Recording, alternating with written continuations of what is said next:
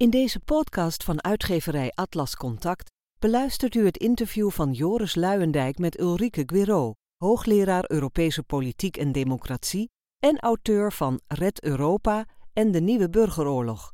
Het interview werd opgenomen in Paradiso op 17 maart 2018. De podcast telt vier delen. Dit is deel 1, The Dutch Reality.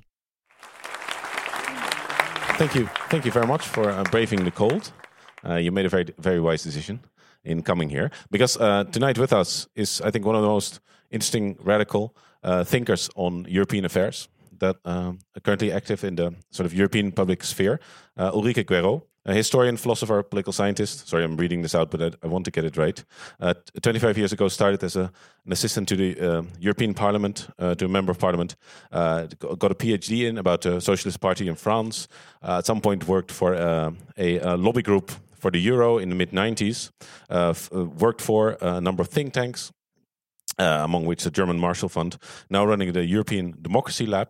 So someone who's in sort of who's gone from insider to outsider. We may come to this later, and who has some truly radical ideas for uh, for the European Union. Uh, Ulrike, uh, very warm welcome. The Dutch people will start by applauding you.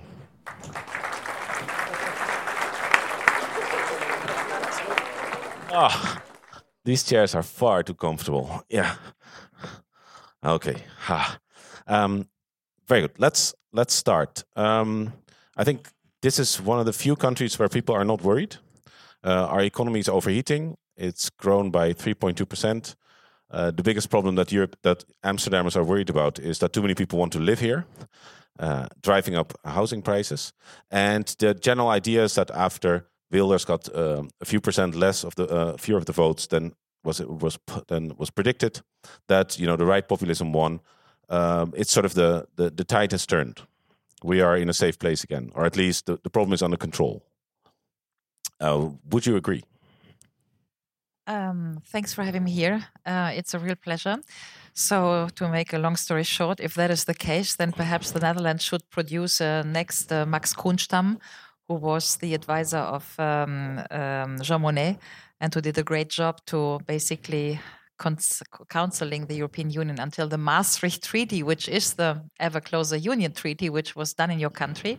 So, if the things are so fine, then perhaps you could have a signal from the Netherlands for a different and democratic Europe. But um, I think uh, the Netherlands are probably a little bit bathing in uh, in a bubble.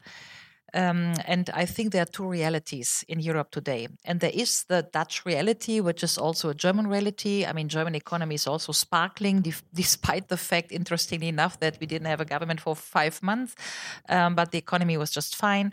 Uh, we are very wealthy, um, and that is the same for Austria. So, um, by, by, the way, also there's growth returning in the south, so it's not all bad. Um, but if you look at other parts of Europe, then it is bad. Um, uh, Brexit will probably be a disaster, not only for the Brits, but also for us. Um, Macron has still to win. I think this is totally overlooked that what is happening in France is uh, Macron still needs to deliver. And if he does not deliver, we will all watch out what is happening in 2022 in the French elections. And that is, c'est pas donné. I would say in French.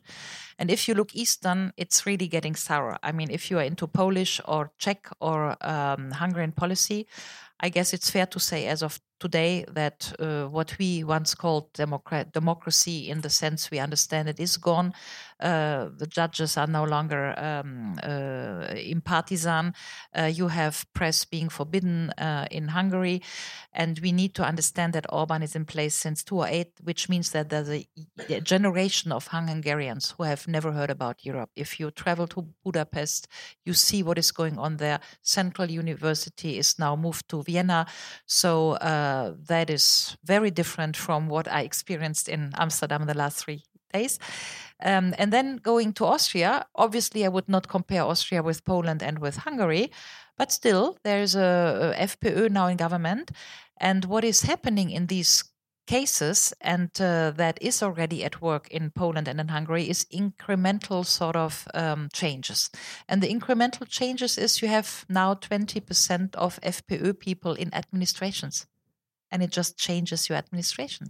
It changes who writes the paper about every given kindergarten or every given whatever asylantenheim you need to build or whether you get the funding for that yes or no. So uh, it is incremental. It is not yet visible but if you look um, it was in the süddeutsche today perhaps also in the dutch press. I need to apologize i don't read dutch. But if you watch only the fight between uh, the head of ORF, which is the free radio uh, TV, um, uh, like ZDF in Germany, Public public uh, public advertising, um, and the FPÖ, then you get a glimpse of what is happening, which is at at risk is the free status of the ORF, and that is dangerous. So I think there are two realities. That's right. Yeah, because you mentioned the Frankfurt Allgemeine Zeitung, which is sort of NRC Handelsblad uh, in in Germany, just came out um, uh, in favor of abolishing the public public broad- broadcaster, which is you know this is quite something. It's the most powerful country in uh, in Europe. Um, and you had some. We spoke earlier. You had some really interesting observations about those because you live in Vienna. Uh, about those FPÖ people. You know, FPÖ is the party of uh, Kurz, uh, the thirty-year-old. Not uh, of Kurz, Oh, sorry, Strache. damn.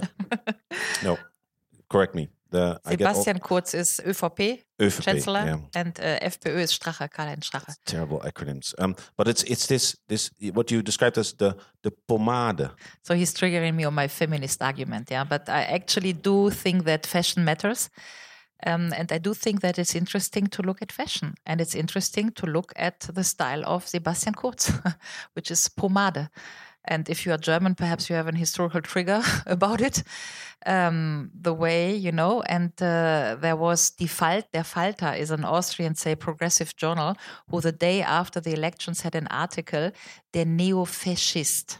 Not fascist but fascist. And you fesch in austria is sort of really handsome uh, it's an old word it's interesting for me as a german fesch i would not lo- no longer say jemand is fesch yeah this is sort of you said it 100 years ago but in austria you still say somebody is fesch and uh, this is what Sebastian Kurz is. He is fesch. He's uh, handsome, smart, young, 30 years old. So there is an effect which was really surprising to me, like, you know, the girls and Elvis Presley sort of style, right?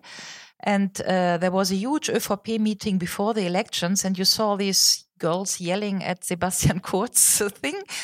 And the, the factor which I think we overlook in situations is that the sheer youth is a factor. Yeah, so Just- it's yeah. In Germany, uh, Baudet here. It's Yeah. this, and it's it's almost sexual. Yeah. and it's because you you you mentioned also the way women dress, very different from the sort of lean and mean consultant McKinsey type.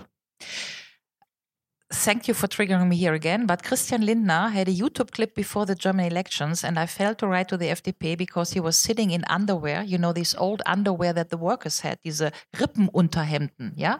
You remember them? And he was sitting in a whatever fancy fauteuil like me in a Rippenunterhemd with an iPhone in the hand, and that should trigger to women like me that he's a super young, dynamic, sexy boy, right? So now you imagine Mrs. Merkel in the same tenue. No, Yeah? no, don't do this to me. No, no, no, no. Okay. Or Juncker. But here we go with the argument, yeah? What is happening? you said the, earlier you said the, basically the EU is finished. Now we we we're used to hearing this from the the Kurz Baudet and sort of crowd, but you come from a very different side. You, you you're more you're you're sort of the left, the Greens, social social democratic. That's that's your field. And so to have that coming from someone like you is quite something. After 25 years of a, a career in and around the European Union, you're saying it's finished. Well, but still, I'm not the only one. No? There are uh, other minister presidents uh, of whatever uh, who said it in that way or in another way, coming close to it. But I think what we are really in uh, is really Gramsci, the times of the interregnum. When the old cannot die and the new one cannot be born, we are living in the times of the monster. This is what Gramsci wrote in the prison. And I think what we call crisis beyond the fact that the crisis is not really am- uh, evident if you go through Amsterdam on a Saturday afternoon. But uh, what we consider crisis, which is this nationalism, populism, crisis of democracy, internet, what is going on, sort of everything together crisis, um, is something that there is an old world dying and a huge old world to which we were sticking, say, 50, 60 post World War, Second World. And we cannot grasp it. And we sense there's something new, but we do not know where we will come out of that sort of interregnum. And that's what we call crisis. It's yeah. like a birth channel sort of thing. But everybody who can think has the feeling that there's an old world dying. Mm. Yeah. And um, and so uh, in that old world, there is the EU, and to put it in one sentence, the very fact that the EU as it is today cannot die is that our currency is attached to that system. And so we cannot let it go until we have found out how we should basically embed that currency into a different European democracy that I'm claiming for, um, perhaps to secure the the euro, the market. Um, and that is the old towards the new sort of thing which is unfolding. Yeah. Mm-hmm. So, because uh, I think what, what makes your work, work very interesting and persuasive is that you're essentially shining a light on the fact that the, the status quo is untenable. So, where either either the pomade crowd is going to win, it will dismount, dismantle the EU and will go back to the national, or we will we will go towards a an EU that's unrecognizable from what we have right now.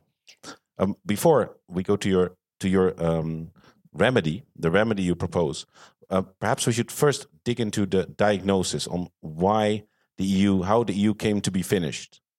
U luistert naar het interview van Joris Luijendijk met Ulrike Guiraud, auteur van Red Europa en de Nieuwe Burgeroorlog.